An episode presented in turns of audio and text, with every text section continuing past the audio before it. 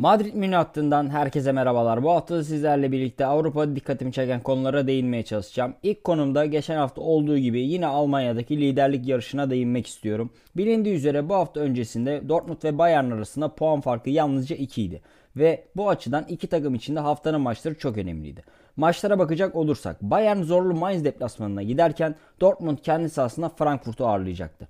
Bu iki maç hakkında konuşurken saat önceliğinden dolayı öncelikle Mainz Münih maçıyla başlamak istiyorum. Mainz deplasmanı özellikle şu dönemde kolay deplasmanlardan biri değil. Mainz kesinlikle ilk 6'ya girerek Avrupa'ya gitmek istiyor. Ayrıca çok formdalar. Bayern maçı öncesindeki 9 maçta mağlubiyet almamışlardı. Karşılaşmaya gelecek olursak Bayern baskın bir başlangıç yaptı diyebiliriz. Kanatlardan Davis ve Cancelo'nun baskıları sonucu üst üste pozisyonlar yakalandı. Ayrıca Musiala'nın birçok pozisyonda rakip cihazasına koşularını gördük. Santrafor mevkinde yer alan Mane ise kendisine atılan ara paslar sonucu tehlikeli pozisyonlar yakalamayı başardı. İlk yarıdaki baskı sonucunu verdi ve Bayern 29. dakikada öne geçmeyi başardı. Ayrıca 45 dakikalık bölümde Bayern bu oyun anlayışıyla çok fazla fırsat yakaladı. Hatta devre arasına daha farklı bir şekilde girilebilirdi. Bunu sağlayabilecek pozisyonlar açıkçası yakalandı ama ilk yarı 1-0'lık sonuçla bitti. İkinci devre ise iki takım neredeyse tamamen yerleri değiştirdi. Geriden oyun kuran Bayern'e karşı Mainz orta sahası önde baskı uygulamaya başladı. Bayern stoperleri bu baskı sonucunda geriden oyun kurmakta zorlandı ve hatta bunu çözebilmek için kimi zaman zaman geriye gelip oyun kurma görevini üstlenmeye çalıştı. Bu sefer de Mainz'in orta sahası Barreiro'yu devreye girdi ve kimiye zor anlar yaşattı. Ayrıca Mainz takımı ikinci yarı gerekli sertliği ortaya koymakta da çekinmedi ve böylece oyunu Bayern yarı sahasına yığmayı başardı. Bununla birlikte pozisyonlar da gelmeye başladı. Devamında ise Mainz beraberlik golünü buldu. Beraberlik sonucu Bayern'in bir reaksiyon vermesi beklenirken Mainz aynı oyunu devam ettirerek Bayern'in üstünlüğü tekrardan eline almasına izin vermedi. Buldukları pozisyonları ise iyi değerlendirerek kendi sahasında Bayern'i 3-1'lik net bir skorla yenmeyi başardı. Bu galibiyet sonucu Mainz yenilmezlik serisini 10 maça çıkararak ilk 6 yarışın iddiasını sürdürdü. Bayern ise geçen hafta olduğu gibi liderlik yarışındaki rakibe Dortmund'a bir şans daha verdi. Dortmund maçına gelecek olursak Öncelikli olarak geçen haftadan biraz daha farklı bir durum vardı diyebiliriz. Rakibinin maçından saat olarak farklı oynaması ve kazanması anında liderlik koltuğuna oturacak olması sebebiyle çok daha güçlü bir psikolojiyle sahadaydılar. E tabi burada es geçilmemesi gereken faktörlerden biri de taraftardı. Sezon başından beri her zaman etkili olan Dortmund taraftarı Bayern'in kaybetmesi sonucu sezonun belki de en etkili atmosferini yaşattı diyebiliriz. Rakibe gelecek olursak Frankfurt zaten son haftalarda istediği oyunu sahaya yansıtmak konusunda problem yaşayan ekiplerden biriydi. Aslında Dortmund'da Stuttgart maçının ilk yarısı gibi bir oyun vardı. Ortada iki tane topla ileri çıkabilen oyuncunun rakip cihazasına hareketlenmeleri, etkili kanatlarla oyunu geniş alanda oynama isteği neticesinde Dortmund ilk dakikalardan itibaren üstünlüğü eline aldı. İstekli oyun sonucunda ise üst üste pozisyonlar gelmeye başladı. Pozisyonları da iyi değerlendiren Dortmund 4-0'lık net bir galibiyet aldı ve liderlik koltuğuna bitime yalnızca 5 hafta kala oturmayı başardı. Maç sonu tabloyu değerlendirmek gerekirse üst üste puan kayıpları kesinlikle alışılagelmiş Bayern performansının uzandı olarak nitelendirilebilir. Mainz maçında özellikle Nagelsmann'ın ilk dönemlerini hatırlatan bir görüntü vardı. Tuhel hamlesi Dortmund maçı sonrası herkesi mutlu etmişti. Çünkü hem tatmin edici bir galibiyet alınmıştı hem de Nagelsmann açıkçası Bayern taraftarına hiçbir zaman güven vermemişti. Ama şu an baktığımızda işler çok değişti. En basitinden küçük bir karşılaştırma yapmak gerekirse. Şampiyonlar Ligi'nde çıktığı 8 maçta kazanan bir Nagelsmann izlemiştik. İçinde Barcelona, Inter, PSG gibi ekipler vardı. Tuchel ise City eşleşmesinde sahada varlık göstermekte bile zorlandı. Lige gelecek olursak belki oyun olarak Mainz maçının ilk yarısı ve Hoffenheim maçında etkili oyun ortaya koymuş bir Münih vardı ama kesinlikle skor olarak istediklerini alamadılar. Geçen hafta söylediğim gibi Dortmund bu haftaya kadar kritik 3 yerde puan kaybetmişti. Bayern ise bu süreçte farkı açamadı ama yine avantaj onlardaydı. Buna rağmen bu hafta sonunda rakibine liderliği neredeyse teslim etti. Artık bitime 5 hafta kaldı. İki takım için de kolay bir süreç olmayacak. Bu zorlu 5 haftalık süre sonunda ise kimin şampiyonluğa ulaşacağını göreceğiz diyerek ben ilk konuyu kapatıyorum.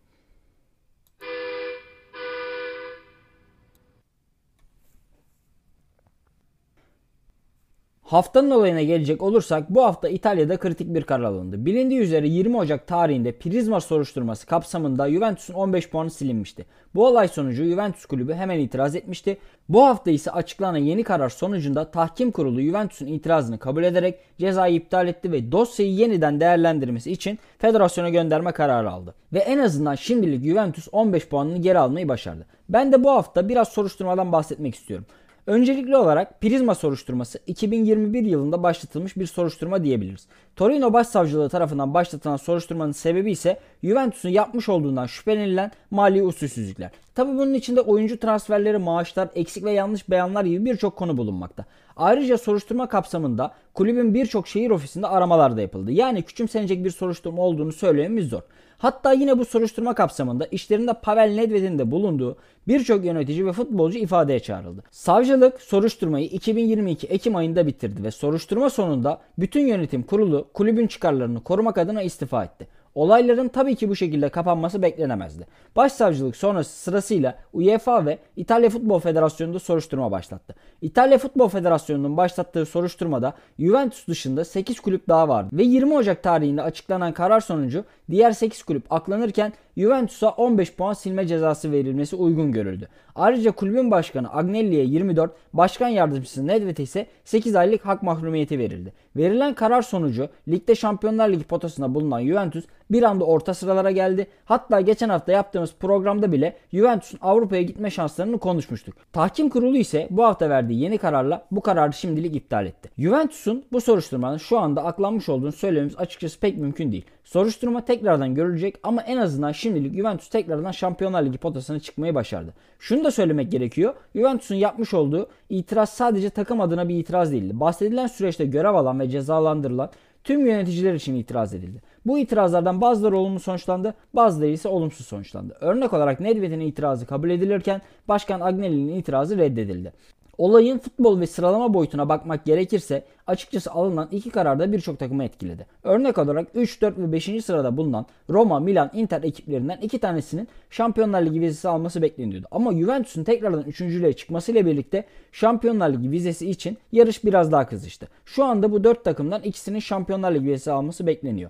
İtalya'da zaten kolay bir yıl geçmiyordu. Gerçekten hem form grafiği açısından hem de psikolojik olarak fazlasıyla inişli çıkışlı bir yıl izledik. Üstüne alınan bu ciddi hukuki kararlarda girince işler açıkçası daha da değişti. Dediğim gibi bu bir aklanma değil. Dosyalar tekrardan federasyon tarafından değerlendirilecek. Açıkçası soruşturmanın ne zaman biteceği de belli değil. Yani sezon sonuna doğru tekrar Juventus'a bir puan silme cezası gelip sıralama yine değişebilir mi? Bunun bile bir garantisi yok. Ama an itibariyle Juventus tekrardan Şampiyonlar Ligi potasına gelmeyi başardı. İlerleyen haftalarda ise sağ içinde alacağı sonuçlarla burada kalmayı devam ettirebilecek mi? Bunu bize zaman gösterecek diyerek ben haftanın olayını da kapatıyorum.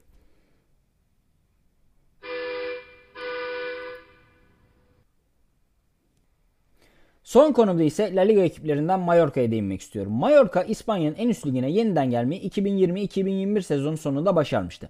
Genel olarak mütevazi kadrolarla mücadele eden bir ekip olmaları sebebiyle de bu yılki ilk hedefleri ligde kalmak veya ligi orta sıralarda bitirmekti diyebiliriz. Sezon başına gelecek olursak istendiği gibi bir başlangıç açıkçası gelmedi. İlk 10 maçlık periyotta İspanyol ekibi yalnızca 2 galibiyet 3 beraberlik alarak ligde 15. sıraya kadar geriledi. Bu durum hem taraftar hem de teknik direktör açısından hoş değildi. Aslında problem bariz bir şekilde gözüküyordu.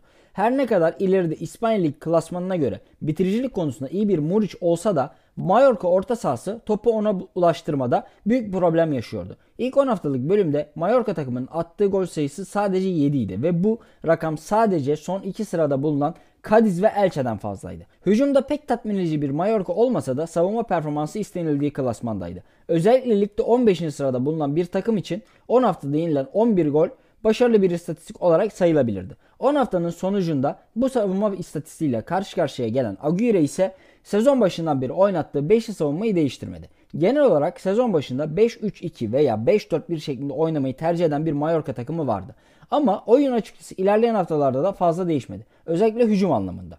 Bahsettiğim süre sonrasında istenen skorlar gelmeye başlasa da bu puanlar genelde tatmin edici futbollar sonucunda gelmedi. Mallorca geride açık vermeyerek ve savunma çizgisini geride kurarak savunmada rakiplerine fırsat vermemeye çalışıyordu. İleride ise sadece Muriç'e atılan hava topları ile kısır tempoda maçlar çıkartıyordu. Mallorca bu tarz bir oyunla sezon boyunca neredeyse gitgeller yaşadı. Yani ne alt sıralardan tam olarak kurtulabiliyorlardı ne de orta sıralardan aşağı iniyorlardı. Sezon boyunca da açıkçası Mallorca takımı hep böyle devam etti. Fakat 22. hafta sonrasında takımda ciddi bir düşüş gerçekleşti. Üst üste çıkılan 4 maçtan yalnızca 1 puan alan Mallorca'da düşme hattıyla puan farkı 6'ya indi. Bunu telafi etmek için yeni hücum silahları kullanılmaya başladı. Bunların başında kesinlikle Amat Ndiaye'yi sayabiliriz. Amat sezon başından beri hep hamle oyuncusu olarak kullanılan hızlı oyunculardan biriydi. Aguirre onu daha çok oyuna sonradan alıp kanatlarda kullanıyordu. Ama bu kötü sonuçlar sonrası ona santrafor mevkiinde yer vermeyi denedi. Muriç ile yakaladığı uyum sonrasında ise fena sayılmayacak bir ikili olmayı başardılar. Bahsettiğim kötü geçen 4 maçın ardındaki 4 maçta ise ikili uyum sayesinde 7 gol atmayı başardılar. Sezon başından beri gol problemi yaşayan bir takım için bu istatistiği iyi olarak nitelendirebiliriz. Oyuncular da yavaş yavaş oyunda sorumluluk aldı. Özellikle Valencia'dan kadroya geçen yıl kazandırılan Kengin Lee ismi ikinci yarıdaki fikstürde kendi oyun standartlarını yakalamaya başladı.